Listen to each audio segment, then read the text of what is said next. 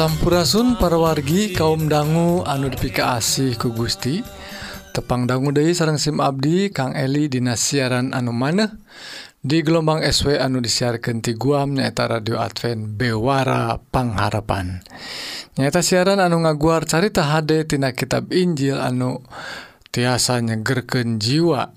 Oge ngaguar ihwal kesehatan raga urang.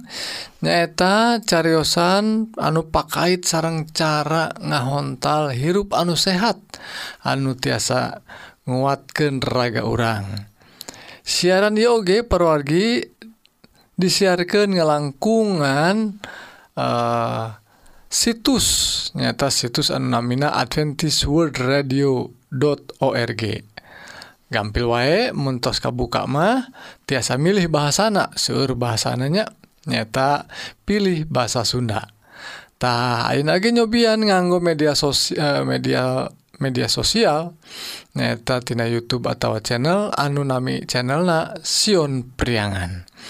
Tah perwargi upami parorgi ngaros diberkahan atau napi aya patarosan mangga tiasa ngontak Kasim Abdi karena serat email anu alamatna Sion priangan at gmail.com atau karena nomor WA 08 hiji salapan hiji salapan 2275 hiji dalapan Para wargi SIMkuring ogeng nawisan bilih kersa ngaos bahan bacaan rohani tiasa dikintunan syarat nama gampil ngirimkan alamat anu lengkap ke nomor WA anu tadi. Uh, lajeng tantosna tangtosna simkuring ngadoakeun mugia urang tiasa saling watkeun dina nandangan hirup anu campuh ku hal duniawi. Mugia urang tiasa ngingkeun hirup anu pinuh ku katentreman di lebet nami Isa Almasih nu kawasa di dunia jeung akhirat. Mangga tuh parorgi urang sami-sami ngadangkeun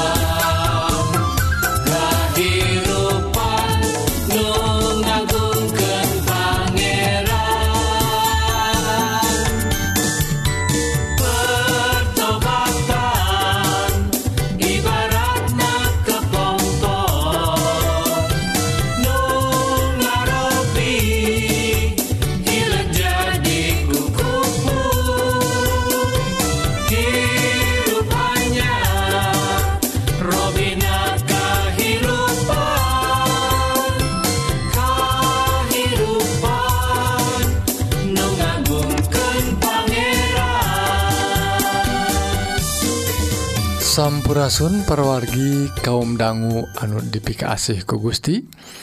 Rohang kesehatan dinten Ieu nerasken pelajaran anu kamari nyaeta 7 metode atau 7 cara masak anu paling sehat. Kamari tos dibahas dua nyaeta anu nganggo microwave anu kedua anak dikulub eh, nyaeta kukuluban ya nukatiluna ayeuna nyaeta disepan parwargi atawa cek bahasa Indonesia dikukus. Ta parwargi naon maksadna tutuangan teh eh, nusaina kedah disepan.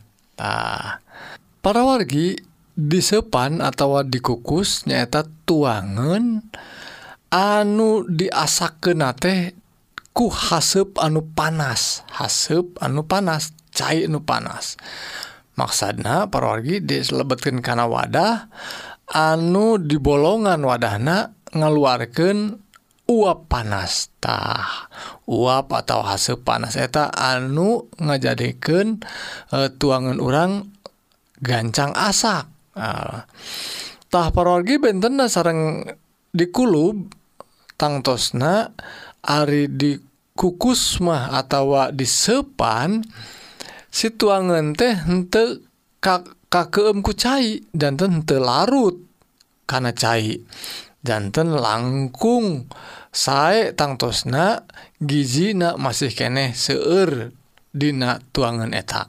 Tah disaurkan ku para ahlinya apalagi hampir sadaya jenis tuangan tinggawitan tuangan sasayuran dugikan ka lauk cocok sauna kanggo disepan tuh. Saya ruina disepan teh pargi.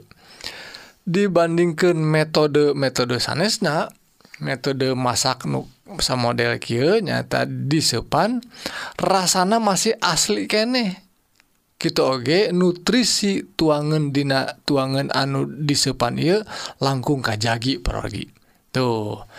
itu ruina dina panelungtikan eh, model atau cara masak anu paling sehat salah sahijina nyaeta disepan tangtosna disepan tuangan anu disupa disepan kagiatan ia atau masak model kita langkung efektif langkung efisien langkung mirah maksudnya parorgi nanti kedah meser minyak. Kom lisah nujuan nuju awis. Tangtosna ngalangkungan tuangan anu dikukus atau disepan langkung sahe langkung nikmat. Gitu Oge langkung efisien langkung mirah. Tak sakit itu perogi paparan ngenaan kesehatan rohang kesehatan di dia sakit itu mugi-mugi jantung berkah kanggo ulang sadaya. Amin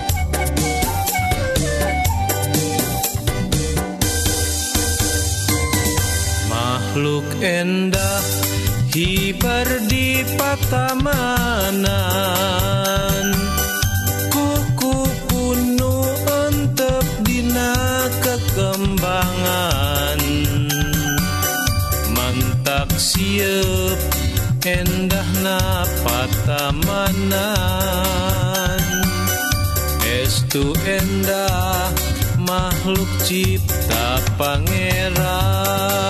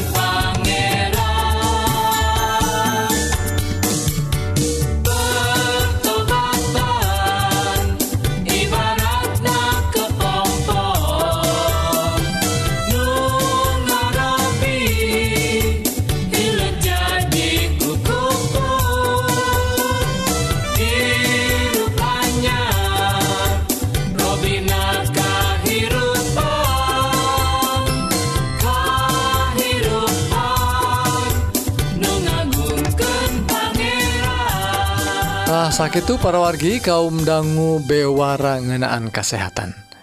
Mugi-mugi para wargi diberkahan ku Gusti dipaparin kekuatan sarang kesehatan jiwa sarang raga kanggo lumampah sarang medamel pada melansa di dinten.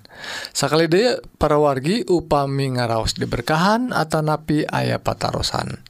Tiasa ngontak Kasim Abdi dina serat email nyata alamatna Sion Priangan at gmail.com atau nomor WA 08 hiji salapan hiji salapan 2275 hiji dalapan. mugi atuh urang tiasa saling watken dina nandangan hirup anu campuhku hal-hal duniawi. Mugia urang tiasa ngingingken hirup anu pinuh ku tentman di lebet Isa Almasih nukawawasa di dunia jeung di akhirat. Salahjeng tuh perorgi Hayu urang terasken karena rohang rohani anu badai ngaguar pengajaran kanggo bawaun karena hirup di akhirat. Anu unggelnatina kitab suci. Sumangga. Wilujeng ngadangukan.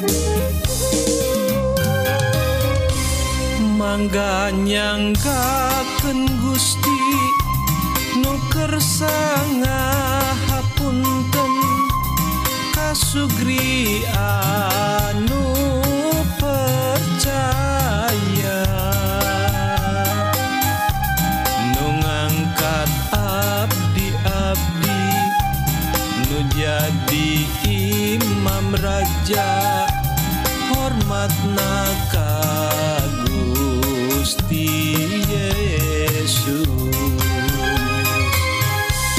Nyanggakeun sembahna ku kawin Sampurasun para wargi kaum dangu anu dipika asih ku Gusti. Rohang rohani dinten Ieu nyandak judul Hidayah mautna Eril. Perwargi tangtosna urang Bandung gitu oge sa Jawa Barat oge tangtosna sa Indonesia ngaraos sedih kulantaran gubernur urang di Jawa Barat nuju ngalaman kesedihan duka anu jero pisan. Lantaran ayana putra na nyaeta Eril. Nu disebat Eril tehnya waktu eh, Kak Swiss nuju badai nerasken pendidikan anak Anjena titelemtah atuh dugiken Ka sauna 14 dinten teka pendak dipilarian ku para ahli. Ahlitah para wargi Ruina tangtos. Bapak Ridwan Kamil Gubernur orang teh sareng istri keluarga anak Sadana ngaraos ngaraos sedih pisan. Gitu oge atuh urang salaku warga anak pimpinan orang Gubernur orang nuju sedih urang ngalaman sedih Sadayana lantaran gening eta Eril teh almarhum Jami anu kasohor kehaanana teka tinggal eh, eh tikawitan nama lantaran pangintentara diumbar dina media sosial. Nanging ayeuna babaturanana dulur-dulurna sadaya eh, anu ngenal anu wawuh ka Eril teh geningan nyaurkeun Eril teh jalma anu hade somea gening Bager kasa sama jalma gitu oge jalma anu leres-leres tiasa ngangken ka jalma letik sok tulang tulung ka jalma anu ngabutuhkantah gitu disaurkan ku rerencangan anak boh rencang sekolah gitu oge rencang ulin. Tah lajeng kamari Pak Saparantos dikurebgen di pemakaman Islamic Center Cimaung Kabupaten Bandung dinten Senin uh, kaping 13 disaurkan ku Bapak naknyaeta Gubernur urang Kang Emil ya. Ngaraos eh, ditinggalkan ngaraos duka ngaroh ngaraos sedih pisan. Masih kene tiasa nyarioskeun hal-hal anu hade nu janton tiasa jantan berkah kanggo urang parwargi disaurkan kieu dina bahasa Indonesia paroginya kami bertanya-tanya mengapa harus hidup tidak terlalu lama mengharu biru tapi waktu adalah rahasia Allah yang tak bisa dipecahkan apalagi menyangkut tentang kelahiran dan kematian. Gitu disaur kena parogi. Rupina waktos nyata Rusia Allah tetiasa ke orang diuraikan ngenaan kumaha eta lahir sarang maut najalmi. Lajeng disaurkan dari ku Kang Emil teh Bapak Ridwan Kamil waktu adalah relatif Ha, begitulah kata orang Arif. Dan akhirnya kami menerimanya dengan hati yang lapang. Tuh, Rupina eh, Bapak Ridwan Kamil. Nah, Bapak nak almarhum teh. ngaraos da waktos mah sauna relatif disebut panjang kumaha sakumaha panjang. Atau pondok sakumaha pondok nah sauna da nu penting mah akhirnya orang kedah narimaken ku hate anu lapang tah para wargi disaurkan deui ku Kang Emil teh. Selama masa pencarian jenazah Eril Bapak Ridwan Kamil menceritakan bahwa saat itu adalah hari yang melelahkantah maksudnya atuh waktu anu sakit itu eh lami nate 14 dintennya pas 14 dinten kalebet laminya. Ari nuju di damal marah sana teh anu pendek pisan. Tapi ia ngantosan ayakna kapenakna jenazah Eril teh meni lami pisan rasana teh. Disebatkan degiken luhlah keluarga teh ngantosan kabar-kabar. Anu tiasa ngalegaken karena hati tak pergi kasauran ti Kang Emil teh tiasa jantan barokah atau tangtosna kanggo urang. Lajeng disaurkan deku Kang Emil teh Bapak Ridwan Kamil. menyebabkan kami belajar tentang hidup yang tidak semata terdiri atas lamanya hari. Namun tiap hela napas yang dipakai berbuat baik, walau kecil dalam sehari-hari. Tuh, disaurkan diajar ke orang teh. Abdi sadaya diajar ngenaan hirup anungan lain soal loba na poe tapi tina tarikan napas orang anu dipakai kanggo kehadean tuh. Pelajaran ti Kang Emilnya lajeng perwargi disebatkan deui. Panginten memang berat sebenar nama saudara teh. Tapi tidak kia kanyata anak ya. Akhirnya abdi sadaya tiasa ninggal jasadna. Etage atuh ngaturken rebunhun sarang syukur ka Gusti. Atuh Eril tegening dilahirkan naga di New York meni jauh kaseberang lautan tapi Aina tegeningan wafat nate di Swiss langkung jauh Dei sauur nate tangtosna Bapak Ridwan Kamil salaku gubernur salaku Bapak na Eril. Ngaraw sedih nanging masih keneh tiasanya Riosken pelajaran anu HD kanggo urang.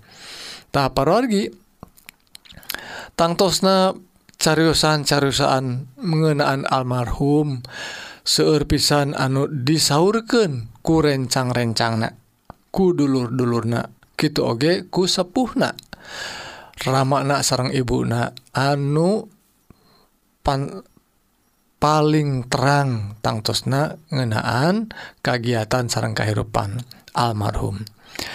Aina pergi orang diajar di nadauhan Gusti sabara ayat anu hade ngenaan hal iya disaurkan dina serat Efesus 2 ayat nuka 10 orang teh dada melan Allah diwangun dina kasatunggalan jeung Kristus Yesus.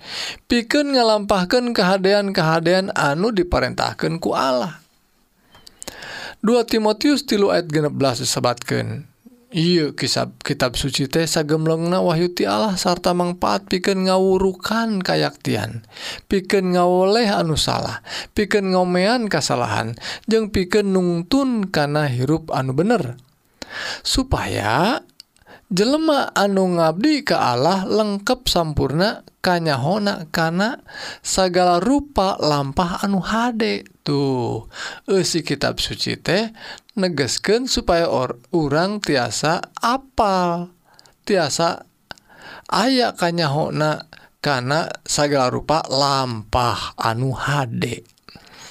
salahjengna Yakobus pasal opat ayat 13 nyaurkan Ky eh dulur-dulur anu sok ngomong Ayeuna atawa isukan kuring rek nyaba ke anu sataun ke anu sataun mah rek ngadon usaha nyiar duit rengeken SIM kuring. Tuh sena.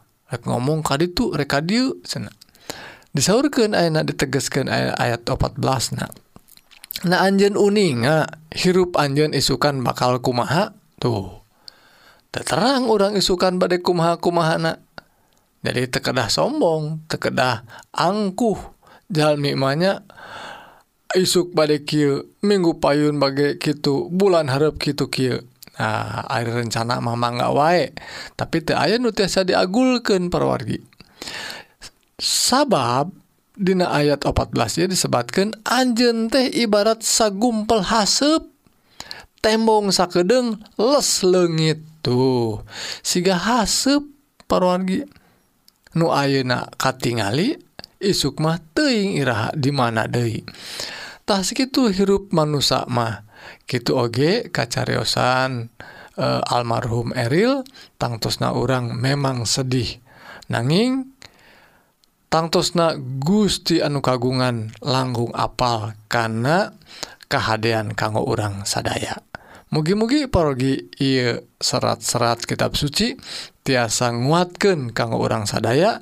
Dina hirup anungan sakedik Dina hirup anu singkat ieu orang tiasa nyiun ngalampahkan kehadian mugi Gusti ngaberkahan orang sadaya. Hayu parwargi orang sami-sami ngadua. Nun Gusti Rama nulinggih di sawwarga Rebu syukur ka Gusti kulantaran berkah dauhan Gusti anutos dipaparin. Anu mugi-mugi tiasa nguatken tiasa maparin iman anu pengkuh supados Abdi tiasa ngalampahken hal-hal anu Hde nujantan berkah kanggo Abdi sadaya. kanggo ngamulyaken Gusti. Ia pidua ia puji syukur. Disanggaken dina Nami Isa Almasih juru salamat Amin. Yesus sapia salalamina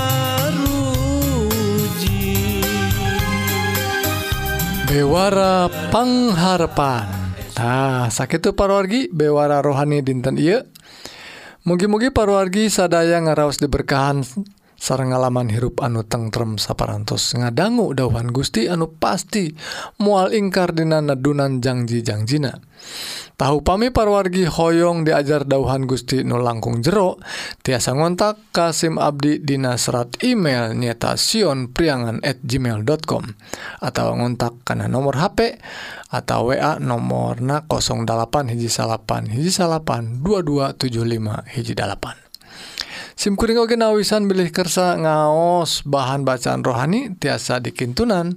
Serat nama gampil ngirimkan alamat kanu anu lengkap kanu nomor nu tadi. Mugi atuh orang tiasa saling nguatkan dina nandangan hirup anu campuh ku hal-hal duniawi. Mugia orang tiasa nginginkan hirup anu pinuh ku katenterman dilebet Isa Almasih anu kawasa di dunia jeung di akhirat. Pidua Abdi mugia Gusti ngeberkahan orang sadaya. Gusti Yesus setia salalamina